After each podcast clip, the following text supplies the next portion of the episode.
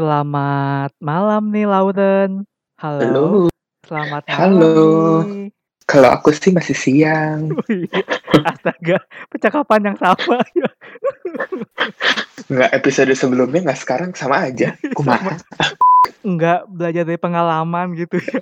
Mm-mm. Malam mulu sih siarannya. Ha, oke. Jadi welcome back Lauren. Hai, Kita ketemu hai lagi nih. pendengar. Iya nih. Gimana kamu itu? Covid di di Perancis gimana Covid? Masih sama sih. Kan dari tanggal berapa ya lockdown tuh dari Maret berapa belas? Sampai lupa. 18 atau ber- 16 gitu ya. Pokoknya terakhir aku sekolah tuh 13 Maret.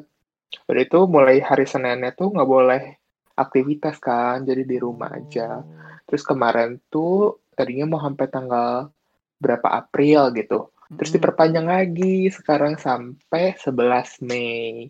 Oh. Jadi lihat nanti deh 11 Mei. Tapi itu kalau yang nasional ya sampai 11 Mei.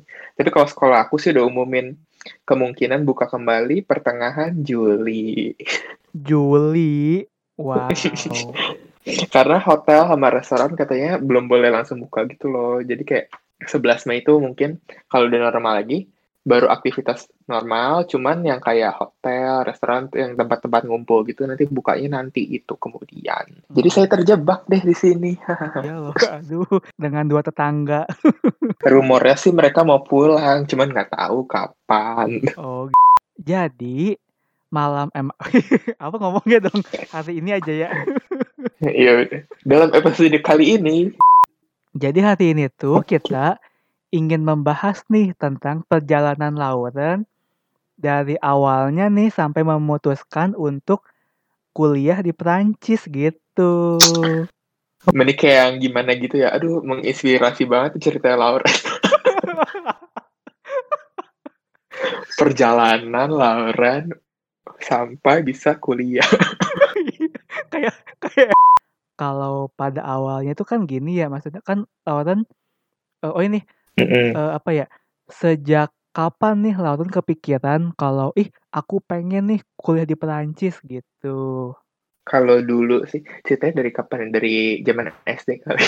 beneran Kalau kalau dulu kan Laura cita-citanya jadi apa gitu kan? Nggak kepikiran masak sih, kepikiran oh pengen jadi arsitek. Saya kan dulu sukanya gambar-gambar, jadi kok iya demennya ngeliatin gedung-gedung kan. iya Nah, terus mulai tuh SMP matematika. Enak gitu kan ngelihat matematika. Enggak deh, nggak males banget arsitek ngitung-ngitung kan, banyak hitung-hitung. Iya. Ntar kalau ngitung-ngitung nggak becus kan ambruk rap bangunannya. Iya. Nah, terus nggak tahu kayak SMP demen nonton acara masak gitu loh, yang kayak di TV-TV. Jadi kan kayak eh asik juga nih masak. Terus udah itu ya udah jadi kepikirannya mau yang kayak mau profesi yang berhubungan sama makanan gitulah pokoknya. Nah, terus sampai SMA sih mantang terus sih, nggak kepikiran mau apa sih kerja yang lain gitu loh. Ada gitu sampai kayak, oh mau kuliah di mana? Hmm, kayak langsung kepikiran. Hmm. Terus kan pertama sih nggak belum begitu kepikiran Prancis sih ya. Mm-mm. Cuman setelah kayak aku pikir-pikir terus cari-cari kalau di Indo itu nggak ada yang sekolah yang benar-benar sekolah masak masak aja gitu loh. Banyaknya tuh malahan yang kayak perhotelan gitu loh, yang tata boga. Ada sih yang kayak S, ya kan lebih ke bidangnya hotel gitu loh. Jadi kayak mau kalau mau fokus masak tuh pasti tetap aja harus belajar hotel gitu. Padahal nggak mau gitu kan. Iya. Nah jadi pengen aku pengennya tuh yang masak aja. oh iya Nah, terus sebelumnya tuh kepikiran mau ke tahu ini nggak namanya Le Cordon Bleu nama sekolahnya. Hmm, itu kan sekolah masak ya eh, terkenal. Nah, pertama ah ke situ aja gitu kali ya kan terkenal gitu. Udah itu pernah kayak di Indo kan ada di Jakarta waktu itu ada pamerannya, terus kayak ikut pamerannya acara apalah gitu. Mm-mm. Terus kayak oh ya udahlah ke sini aja gitu kan. Udah itu si Bleu itu ada cabangnya banyak gitu loh, yang kayak ada di Malaysia ada, di Australia ada, di Hmm. Paris ada, di London ada, di mana-mana lah. Nah, terus kayak, hmm, mungkin ke Paris kali ya, kan kayak kota kuliner gitu loh, kayak Hmm, le- ke pusatnya gitu loh. iya. Nah, terus sampai waktu itu tuh aku nanya ke temannya si papi tuh, papaku punya temen anaknya kuliah di Prancis. Mm. Nanya ke dia kan, eh mau ke Prancis udah itu oh iya mau ke, mau kuliah di mana? Kuliah terlalu komersial. Terus kan hah? Oke okay, gitu kan. Iya. Terus nanya jadi jadi mending masuk ke mana gitu. Terus dia bilang oh masuk gini aja namanya Pobopkus nah kebetulan aku juga nggak nggak begitu. Mau kuliah masak tapi nggak begitu tahu dunia kuliner juga gitu loh. Jadi kayak orang awam gitu kan. Iya. Oh gitu. Terus aku cari-cari oh ternyata programnya lebih bagus gitu kan. Apa ya lebih komplit gitulah. Yang kayak dibandingin yang pilihan aku sebelumnya. Kalau dulu dia tuh cuman kursus masak lebih modal kayak kursus sih karena dia cuma 9 bulan udah itu kayak praktek masak udah itu udah aja lulus gitu terus lulusnya juga jadi diploma nggak dapat sarjana nah kalau yang di kampus aku tuh gelarnya sarjana karena belajar semua gitu loh nggak cuman praktek di dapur tapi juga dapat teori yang kayak bisnisnya gimana, manajemen, accounting gitu-gitu. Jadi lebih lengkap lah. Nah, gitu. Hmm, oke, okay, oke. Okay. Nah, terus ya. pertamanya tuh aku mikir, oh kalau ke Prancis ya berarti ngambil dan di sekolah yang sekarang aku ini kampus ada yang dua kan, yang program Inggris sama yang program Prancis. Yeah. Nah dulu tuh yang sebelum aku daftar program Inggrisnya nggak terlalu terkenal gitu deh, jadi yang kayak cuman setahun sekali itu terus masuknya bulan Februari gitu kan. Mm. Terus aku pikir ah enggak ah mau masuk yang program Prancis ngapain jauh-jauh sekolah Prancis masuk ke program Inggris hahaha. itu jadinya aku kan belajar kursus Prancis. Iya. Yeah. Gitu. Tapi itu kursus Prancis sebenarnya nggak setelah lulus SMA aja sih dari dari kelas SMA 2 gitu ya udah mulai kursus Prancis sih. Yang kayak cuma seminggu sekali. Mm okay. gitu tapi nggak nggak cukup gitu kan. Terus jadi pas sudah lulus SMA 2018 langsung pindah ke kursus Prancis yang intensif. Nah itu intensif tuh enam bulan gitu. Tiap hari gitu loh uh, kursusnya. Jadi kayak sekolah lagi. Dari jam 8 sampai jam 3 sampai sampai mual tuh belajar Prancis. Tapi akhirnya setelah pokoknya kursus Prancis tuh uh, udah kursus. Terus aku kayak sampai dapat level yang B2 kan harus dapat sertifikat buat yang masuk sekolah. Iya. Terus kayak oh yaudah nih udah dapat sertifikat tinggal level udah terpenuhi. Cuman langsung kepikiran aduh sepertinya tidak kuat kalau belajarnya pakai bahasa Prancis iya. jadi lah jadi last minute langsung ganti jurusan. Padahal udah bikin kan surat-surat yang kayak buat masuknya gitu. Iya kayak udah tulis semua pakai bahasa Prancis jadi last minute diganti semua pakai bahasa Inggris tapi ya lumayan keterima. Jadi kayak oh yaudah jadi sekarang masuk ke program Inggris oh, gitu. okay. ya jadi gitu deh setelah SMA ngambil gap year satu tahun baru lanjut kuliah. Berarti kalau yang hmm. kalau yang aku lihat tuh berarti orang bener-bener apa ya dari SMA tuh kan bener-bener mencari kursus bahasa Perancis gitu kan. Maksudnya benar-benar niat gitu. Hmm. aku pengen benar-benar di, sini nih makanya aku belajar bahasa Perancisnya gitu kan. Sebenarnya iya sih yang kayak soalnya akunya kan gak kepikiran juga kan mau kuliah apa gitu. Jadi ah yaudah masak aja jadi sekalian belajar bahasa Perancis juga kan. Karena kan kalau dunia kuliner tuh dia banyak istilah-istilah Perancis gitu loh walaupun aku program Inggris jadi kayak kepake banget kan belajar bahasa Perancis. Mm. Nah, terus aku juga kepikiran, ah ya udah kalau mungkin gak jadi ke Perancis juga nggak ada salahnya gitu loh belajar bahasa kan kayak keren gitu kan. Oh aku bisa bahasa Perancis loh gitu. Awalnya Lautan memutuskan untuk kuliah di Perancis itu karena pengen uh, apa jurusan apa ya memasak itu lebih menyenangkan ya maksudnya lebih membuat Lautan bahagia gitu istilahnya ya ya enggak sih? Mungkin ya karena kan kalau ditanya kenapa sih mau ku kuliah masak gitu kan. Kamu jago masak dong kalau mau masuk kuliah masak. Terus aku selalu kayak hmm, mikir gitu kan. Terus kayak bahasa pasti enggak sih kalau jago masak mah nggak akan kuliah masak ngapain? Gitu kan. Iya. konyol. Terus jadi kayak lebih ke ini sih nggak nggak cuman karena suka masak sih suka masak ya relatif juga sih ya dibandingin teman-teman aku mah masih banyak yang lebih rajin gitu loh masaknya. Aku mah hitungannya males gitu kan. Iya. Cuma lebih demen makan kali ya, lebih demen kayak cicip icip icip tuh demen. Oh, berarti uh, apa ya? jurusan kulineri kuliner astaga masih aja nggak bisa nggak episode sebelumnya nggak sekarang sama aja berarti jurusan ini tuh apa ya sudah sesuai dengan apa yang Autumn inginkan gitu ya hmm ya bisa dibilang begitu sih aku pengen nanya nih menyenangkan nggak nih kehidupan di Perancis gitu kan berarti orang selama berapa berarti 19 tahun ya udah di Indo tuh 18 lah eh Iya, soalnya kan di sini aku udah baru 8 bulan. Oke. Ya nggak ya hitung aja 19 tahun lah ya Hmm. di Indonesia. Oke. Ber- Berarti apa nih apa ya menyenangkan nggak nih di sana tuh kayak apa ya perubahan yang Autumn rasakan dengan lingkungan yang berbeda itu Hmm. kayak gimana tuh? Menyenangkan sih menyenangkan ya. Maksudnya emang cuma berbeda sih. Kalau di Indo tuh lebih lebih praktikal kali ya sebutnya kan kalau kita mau main ke mana-mana tinggal oh tinggal gojek tinggal naik gokar naik taksi online ojek online lebih gampang gitu Udah itu ya ke mana-mana kita kan naik mobil kalau di Indonesia Ya. kalau di sini mah kan segala ya lebih mandiri sih jadinya kan naik bus ke mana-mana jalan kaki. Cuman aku suka sih emang kayak begitu jalan kaki naik bus gitu gitu emang saya kemarin juga di Jakarta terakhir-terakhir. Begitu aja hidupnya.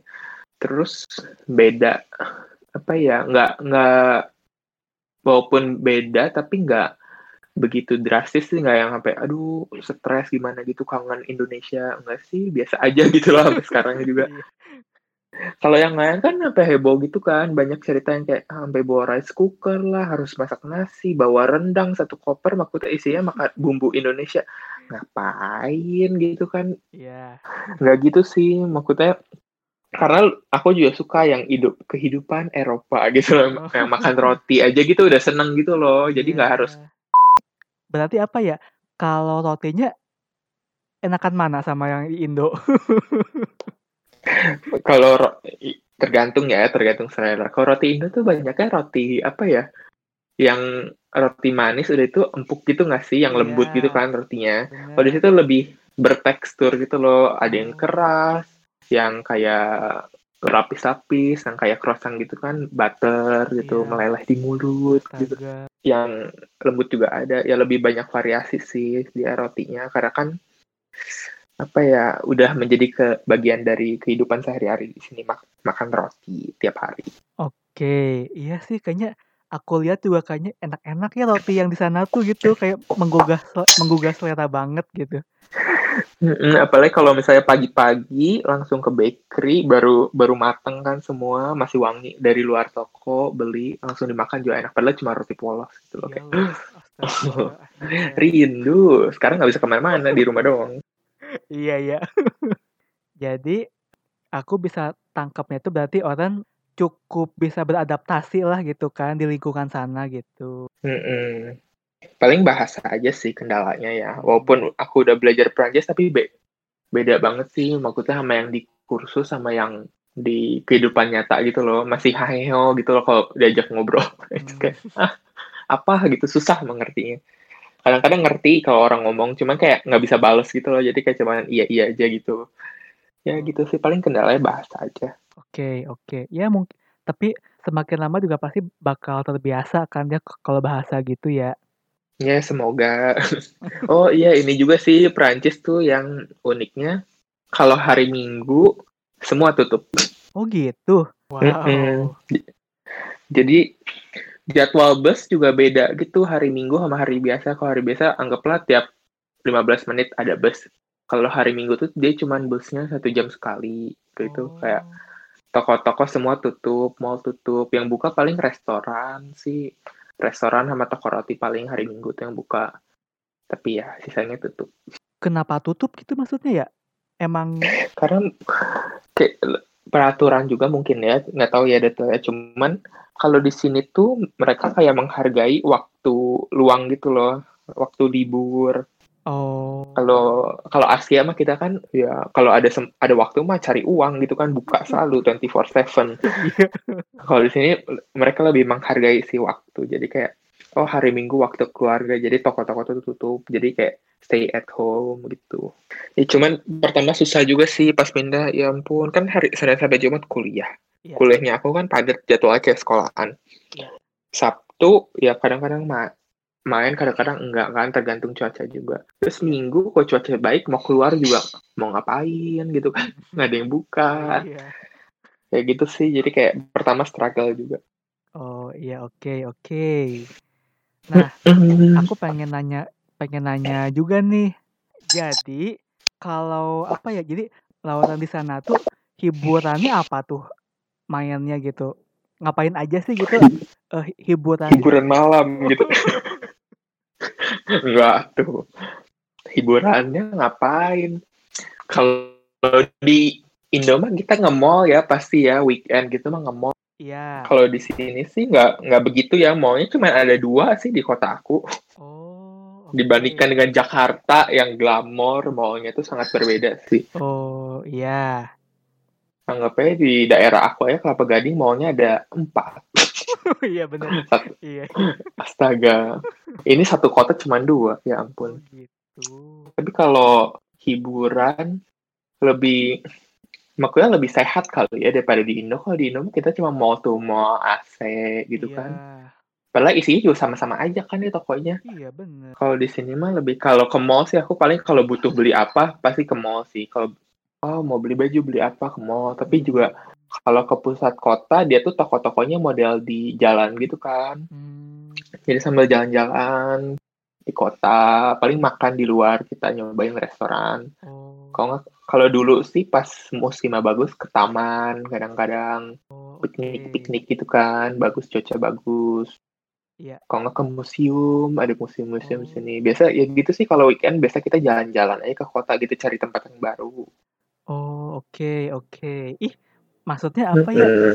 Kalau menurut aku sih kayak bener-bener menyenangkan loh kayak gitu-gitu loh. Soalnya kan kadang kalau di suka sih iya. Lebih lebih be explore bisa explore gitu loh. Kalau di Indo ya paling kan gitu gitu aja hiburannya Iya, rasanya tuh.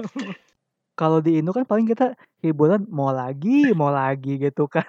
Jarang ada orang yang ke taman eh, jalan apa jalan kaki gitu kan, jalan kaki terus eh, ke taman terus eh, apa lihat-lihat museum terus eh, apa jalan lihat pemandangan terus cobain cobain restoran pinggir jalan ini gitu kan kayak fancy banget gitu lah. Fancy gitu kelihatannya ya. Mm-mm. Oke, tapi kalau ya kalau restoran mah jangan sering-sering lah ya mahal kan. Iya. Cuma kalau jajan-jajan sih lumayan, jajan-jajan. Paling kan banyak tempat duduk umum kan di Mm-mm. taman. Kalau nggak di kalau di Indo mah aneh gitu ya kedengarannya. Tapi kadang-kadang kita suka duduk di sebelah sungai gitu lah sambil kayak ada tangga-tangga gitu kan duduk situ kayak sambil ngobrol sambil berjemur kayak oke gitu loh. Kalau di Indo mah aneh kan, hah duduk sebelah kali gitu kan Iya. bau dong. Iya bener. Beda sih, tapi tapi lebih berkualiti kali ya kalau di sini mah ya jadinya. Hmm. ya jadi gitu sih. Jadi kalau ada yang penasaran kayak eh gimana sih tinggal di Prancis gitu kan, enak nggak asik nggak asik sih asik sih. Terus kayak kalau yang kota aku sih Lyon lumayan aman hitungannya. Nggak kriminal mah tetap ada sih ya, yang copet-copet gitu mah tetap ada, cuman lebih oke sih daripada kota-kota lain ya Mm, bener. di Prancis gitu. Jadi kayak jalan-jalan juga masih merasa aman sih aku mah. Hmm. Mm-mm. Oke, jadi yang kita bahas selanjutnya adalah gini nih. Nah, kan berarti orang Mm-mm. eh, tiap ya mungkin tiap akhir pekan suka jalan-jalan nih sama teman ke taman, terus misalnya cobain makanan eh, yang lain, apa eh, makanan baru Mm-mm. lah istilahnya gitu kan. Terus juga Mm-mm. hmm, apa ngobrol-ngobrol santai sambil sa- sambil jalan gitu kan, terus eh, nongkrong di tempat Mm-mm. duduk di tempat duduk umum gitu ya. Mm-mm. Nah, sekarang gimana nih pas eh, COVID ini berlangsung gitu? Ya sedih juga sih, soalnya kan teman aku kelas internasional, jadi semua tuh pu- udah pulang semua loh. Astaga. 90% ada deh udah pulang semua. Yang benar-benar hari Jumat kita terakhir sekolah, Iya. Sabtu, Minggu, Senin tuh cus pulangnya serentak gitu loh barengan semua. Oh. Sementara aku kan kayak enggak lah nggak pulang gitu kan. Iya, Keburu iya. telat juga sih, tau gitu pulang. Iya, iya. Saya enggak sih, udah udah memutuskan nggak pulang ya udah nggak pulang Iya, oke, oke.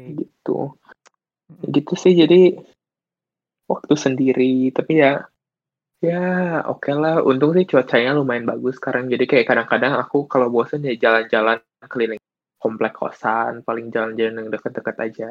Hmm, Gitu. Oke, oke. Terus juga kalau misalnya kita kita lagi apa ya lagi work lagi WFH ah, astaga Eh, work from home. lagi work from home gini pasti kita jadi kayak lebih produktif nggak kalau orang Kalau aku sih orangnya bukan yang gimana ya, kalau nggak bisa kerja di kamar gitu loh. iya Kalau kerja tuh harus ke ruang yang berbeda gitu, ke perpustakaan, ke Hmm. kafe, ke tempat lain. Karena kalau aku bawaannya nggak fokus gitu loh, kalau kerja di kamar nggak bisa fokus.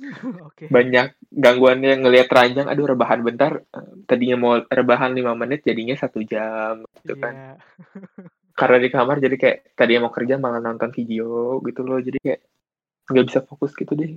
Ya gitu sih, tapi ya kadang-kadang kayak karena gabut juga kali ya. Kalau yang lain mah teman-teman aku yang di Indo, walaupun mereka kuliah online, apa ya, walaupun COVID ini mereka tetap ada kuliah online kan, jadi tetap disibukin sama tugas, tugas kelompok, Mm-mm. terus eh, kelas. Kalau aku mah kuliahnya kan semester praktek, jadi nggak ada kelas-kelas. Cuman kemarin ada se- kelas seminggu udah. Terus sekarang sih paling waktunya diisi sama yang kayak conference-conference gitu, yang kayak nggak wajib ikut sih. Jadi kayak kalau mau ikut ikut, kalau nggak nggak apa-apa gitu. Hmm, Itu sih. Jadi kayak di hitungannya gabut juga sih. Berarti apa tuh? Itu apa ya kayak conference meeting gitu kali ya? Nggak meeting juga lebih conference gimana ya. Kayak sekolah aku tuh biasanya manggil kayak bintang tamu. Nggak bintang Hmm. tamu juga sih ya yang kayak alumni misalnya kalau nggak yang kayak profesional yang misalnya oh ini chef dari restoran ini nih terkenal conference. Jadi dia cerita gitu terus kita dengerin Hmm, gitu. oke. Kalau mau nanya bisa nanya gitu. Itu sih oke juga lah mengisi waktu. Iya bener ya tapi kan itu mah paling sehari sekali seminggu cuma berapa kali. Ya jadi sisanya waktu kosong. Nah terus eh oh ini nih. Ini mungkin mungkin menjadi pertanyaan menjadi pertanyaan terakhir kayaknya nih. Uh. Oke, jadi berarti kan apa ya warga Indo tuh mungkin cuman lautan doang sekarang ya kayaknya ya. Iya sih? Nggak juga sih sebenarnya kalau orang Indo di kota aku sih lumayan banyak hitungannya. Hmm, Cuman mereka kan banyaknya sekolahnya di sekolah publik yang universitas publik. Dan aku kan kuliahnya eh, kampusnya privat. iya. Jadi nggak pernah ketemu sih. Cuman baru-baru ini yang anak-anak semester baru ada dua orang apa tiga gitu orang Mhm. Indonesia gitu. Jadi gitu sih. Cuma aku belum ketemu sih. Oh, oke, oke. Ya mungkin eh, apa ada warga Indo, cuman ya emang beda kampus aja gitu ya. Mm-mm. Hmm, oke, oke. Nah, aku pengen nanya nih, kan berarti Mm-mm. Lautan SD, SMP, SMA bergaul dengan warga Indo nih gitu kan. Heeh. Heeh. Nah, sekarang kuliah bergaul dengan warga Perancis gitu kan. Nah, terus bagaimana nih kesan-kesannya gitu? Gimana ya? Tapi nggak cuma warga Prancis juga sih. Soalnya kan kelas aku kelas internasional. Iya. Jadi banyak juga yang dari negara-negara lain. Hmm. Dari mana ya? Asia banyak yang kayak dari China, dari Thailand, dari Hmm. Korea.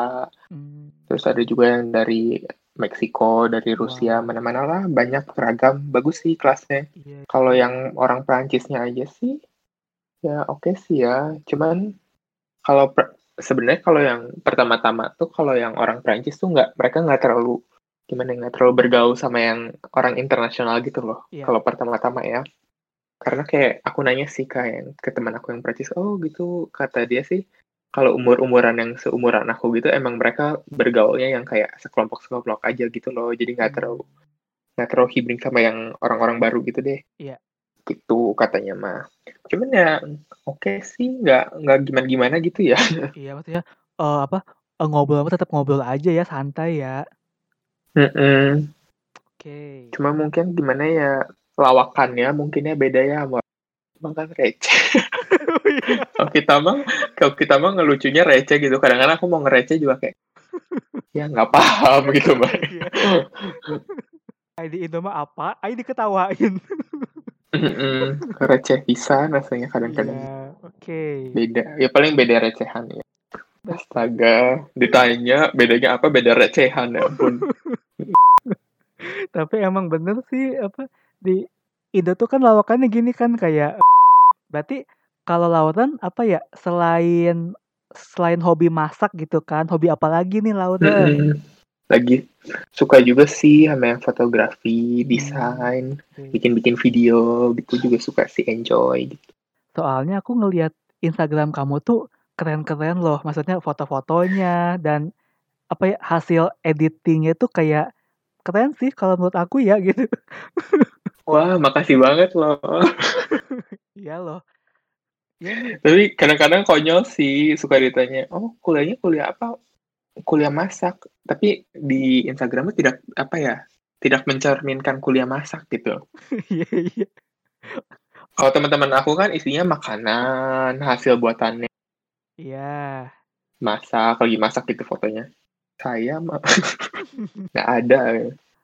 Eh tapi ada kali maksudnya eh, satu dua mah di foto karya law- lawatan masak gitu.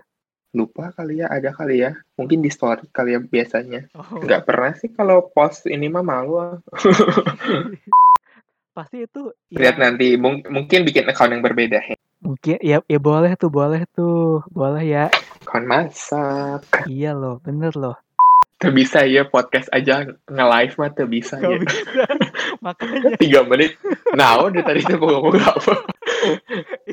Konversasinya tidak mulus. iya makanya kan kalau acara live wawancara gitu terus gitu kan satu jam. Iya. Apa ya tadi tuh ngomong apa lupa. Kali-kali coba ya buat live ya. Nanti langsung templokin. Coba kasih tok tok tok doang. Astaga. Oke, jadi terima kasih banyak loh buat Lauren ya buat malam ini. Aku masih siang kok. Oh iya. Oke, jadi semoga semoga COVID-nya cepat beres ya gitu kan. Mm-mm. Sama kan di Indo juga nih COVID Iya. baru-baru. Iya nih, semoga juga sukses ya buat ku- buat perkuliahannya ya. Ya, makasih. Sukses juga ya podcast aja. Makasih loh. Ya, semoga juga apa apa yang dicita-citakan, apa yang diimpikan semoga berhasil ya. Amin, amin. Oke, ya udah eh, makasih dadah. Sendi sehat semangat gue. Sendi sehat semangat gue. Amin. Astaga, tuh kan recehnya tuh beda. Iya beda bener ya. Recehin.